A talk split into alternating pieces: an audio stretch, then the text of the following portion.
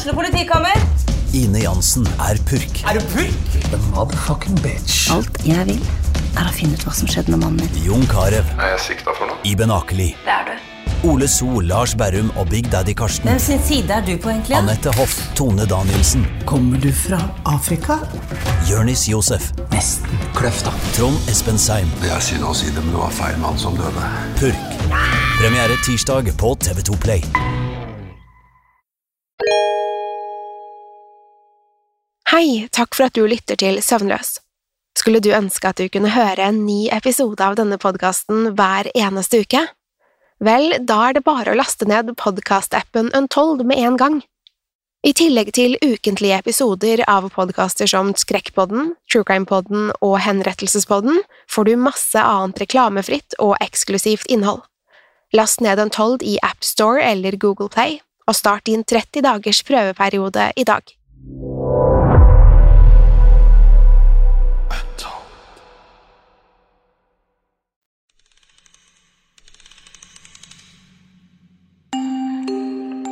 Om du har planer om å sove og drømme søtt i natt, er dette ikke podkasten for deg.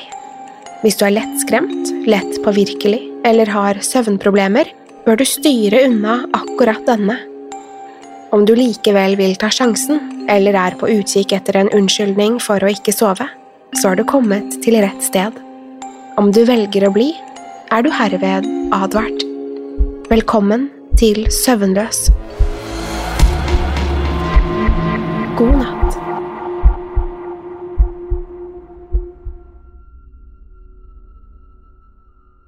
Første gang du møter din nye svigerfamilie er alltid svært viktig. De kan tross alt bli din familie også. Du må være morsom, sjarmerende og ydmyk, men ikke for morsom, sjarmerende og ydmyk. Da ser det bare dumt og unaturlig ut. Det er en ekkel balanse. Du vil ikke oppfattes som noen smisker heller. Da jeg skulle møte familien til kjæresten min, Alex, var jeg alt annet enn rolig. Jeg var 25 år gammel og hadde vært i en rekke forhold, men dette visste jeg at var ekte. Dette var alt jeg noen gang hadde drømt om. Alex var flott, suksessrik og kjærlig, for ikke å snakke om den snilleste og mest omtenksomme personen jeg noen gang hadde møtt. Vi hadde vært sammen i nærmere to år, og det føltes som jeg endelig hadde funnet noen jeg kunne være meg selv med. Hans foreldre, lillesøster og storebror pleide å bo utenlands, så til tross for at vi hadde vært sammen lenge, hadde jeg fremdeles ikke møtt dem skikkelig.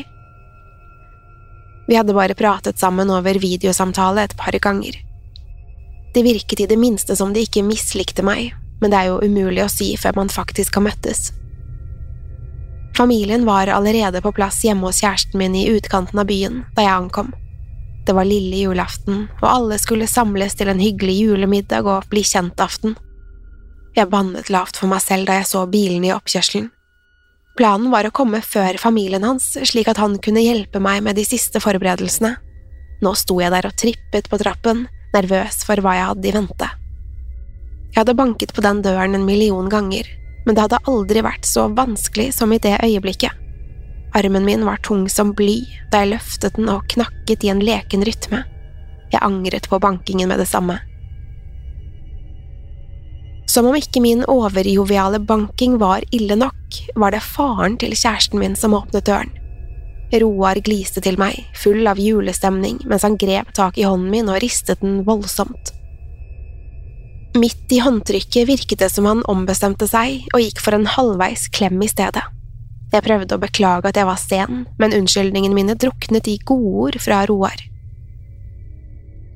Varmen han utstrålte var både overveldende og lettende. For en mann i 60-årsalderen var Roar bemerkelsesverdig flott. Han hadde en tykk, mørk manke akkurat som Alex og var høy og veltrent. Han førte meg fra døren til stuen, hvor resten av familien ventet. Jeg ble introdusert for hver og en av dem etter tur. Alex gliste til meg fra hjørnet av rommet, mens jeg hilste pent på svigermor Martha og Alex sine søsken Beate og Frank. Martha virket overlykkelig over å endelig møte meg. Jeg fikk to våte kyss på hvert kinn mens hun holdt stramt rundt meg. Nok en gang skulle utseendet overraske meg. Hun så ikke ut til å være en dag over 35, til tross for at jeg visste at det ikke stemte. Det samme gjaldt Beate. Hun var bare 15, men hadde et ansikt som så ut til å være skåret fra hvit marmor. Hun luktet nydelig, bedre enn noen parfyme jeg hadde luktet tidligere. Jeg gjorde meg et lite notat i hodet om at jeg måtte spørre henne om den senere, hvis jeg turte. Sist, men ikke minst, var det Frank. Han var uten tvil en av de mest attraktive mennene jeg noen gang hadde sett, kun overskygget av min egen Alex. Roar og Martha ga meg komplimenter, men jeg visste at det ikke var noen ting sammenlignet med den familien. De var en gjeng supermodeller, hvis supermodeller var guddommer. Jeg vet det høres ut som en overdrivelse, men jeg tuller ikke. Ingen av dem hadde sett så bra ut på videosamtalene, men jeg regnet med at det bare var bildekvaliteten som hadde gjort det. Det ville i hvert fall forklart hvorfor jeg fikk så mange komplimenter. Jeg måtte ha sett forferdelig ut på kamera. De var sikkert lettet. Roar ba meg sette meg ned i sofaen, og jeg gjorde som jeg fikk beskjed om. Fremdeles som fortryllet av all skjønnheten rundt meg, fikk jeg meg ikke til å si stort de neste minuttene. Jeg bare satt der og lyttet til samtalen som gikk mellom familiemedlemmene. Når sant skal sies, lyttet jeg ikke så mye. Jeg fikk ikke med meg et eneste ord, for jeg klarte ikke å slutte å stirre på dem alle. Det var den vakreste familien jeg noen gang hadde sett. Etter hvert begynte de å inkludere meg mer og mer i samtalen også, og da var jeg nødt til å skjerpe meg. Jeg kunne ikke sitte der og stirre tomt på dem når de først snakket til meg. De neste 20 minuttene pratet vi løst og fast om alle mulige temaer. De spurte om jobben og familien min, og jeg svarte på alt de lurte på. Hver og en av dem var så interessante, og jeg kunne ikke vente med å bli en del av familien. Jeg elsker mine egne foreldre, det er ikke det. De er bare så normale. Et øyeblikk ble det stille i rommet, og det var som alle rettet blikket mot Alex samtidig. Han hadde sittet stille i en stol store deler av samtalen og bare fulgt med, med det lure blikket jeg elsket så høyt. Nå kikket jeg tilbake på ham med et snev av forvirring i øynene og en nervøs latter kvalt i halsen. Det var som alle ventet på noe, og alle visste hva det var, utenom meg. Med ett reiste Alex seg sakte og stakk hendene i lommene. Han hadde alltid hatt en rolig, tilbakelent tilnærming til alt. Det var blant annet den roen jeg hadde falt for en gang i tiden. Han kremtet litt og takket familien for at alle var kommet. Så vendte han seg til meg. Med en lett knirking i stemmen sa han at han hadde ventet på dette øyeblikket lenge. Det kunne ikke være mer perfekt. Uten å nøle og med kroppsspråket fullt av selvtillit trakk han en liten, kvadratisk boks opp av lommen. Jeg forsto straks hva det var, selv om jeg aldri hadde forventet det.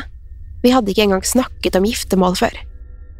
Selv hadde jeg aldri vært sikker på om jeg ville gifte meg i det hele tatt. Likevel var det som synet av Alex, familien hans og den vakre ringen i boksen fikk meg til å føle at ekteskap var alt jeg noen gang hadde ønsket meg. Før jeg i det hele tatt hadde rukket å tenke gjennom saken, hadde jeg reist meg, kastet meg om halsen på Alex og gitt ham mitt ja. Alle i rommet eksploderte i jubelrop. Snart omfavnet de oss fra alle kanter. Det var en perfekt jul, med en perfekt familie. Det er så godt å se at familien vår endelig er hel, sa Roar med gledestårer i øynene. Han klemte ansiktet mitt mellom hendene og kysset meg på venstre kinn så voldsomt at jeg er sikker på at jeg fikk et lite sugemerke der. Gleden over forlovelsen var uendelig. De klemte og kysset til jeg ble helt ør i hodet. Lettelsen var derfor stor da Martha endelig kikket på klokken og brøt ut i et lite kvalt skrik. Middagen var ferdig, så nå var det bare å sette seg til bords. Hun grep om armen min og førte meg bort til spisestuebordet, som allerede var dekket med mengder av tilbehør. Poteter, sauser og grønnsaker bugnet over på serveringsfatene, og det var da jeg plutselig kjente hvor sulten jeg virkelig var. Martha plasserte meg på en stol og sa at mennene skulle hente hovedretten, mens vi andre kunne sette oss så lenge. Roar og Frank kom tilbake noen minutter senere med et digert sølvfat mellom seg. Det var større enn noe serveringsfat jeg noen gang hadde sett. Midt på fatet lå et gyllenstekt vesen som bare kunne være én ting – et menneske. Et sekund var jeg sikker på at det var øynene mine som spilte meg et puss, men ingenting annet kunne ha den formen og størrelsen.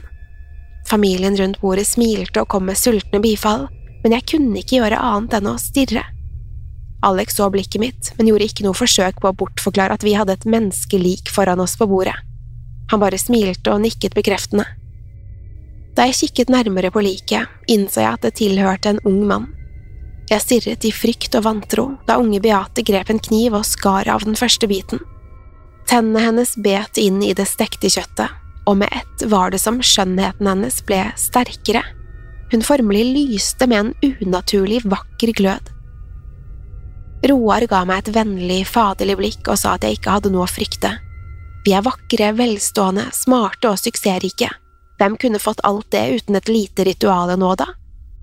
Vi behøver bare å gjøre det én gang i året for å opprettholde effekten. Martha strakte seg etter skålen med poteter og la på til seg selv og meg. Så brakk hun av fire tær fra liket på bordet som hun la på tallerkenen. Da hun la merke til mitt kvalmende blikk, smilte hun og sa litt beskjedent at hun bare elsket å gnage rundt knoklene. Du elsker meg vel, sa Alex med forventning i blikket. Han visste godt at jeg elsket han mer enn noe annet. Vil du ikke bli perfekt som oss? Tankene for gjennom hodet mitt, og til slutt var det så mange av dem at jeg ikke fikk med meg noe som helst. Jeg bare stirret på liket fremfor meg, uten å riktig vite hva jeg syntes om det hele.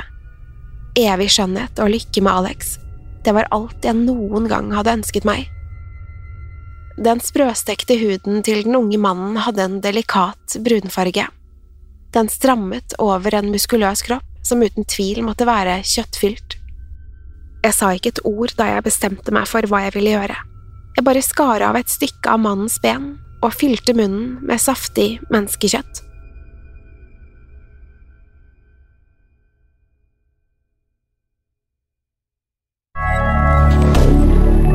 Moderne media.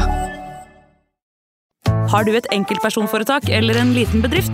Da er du sikkert lei av å høre meg snakke om hvor enkelt det er med kvitteringer og bilag i fiken, så vi eh, gir oss her, vi. Fordi vi liker enkelt. Fiken superenkelt regnskap.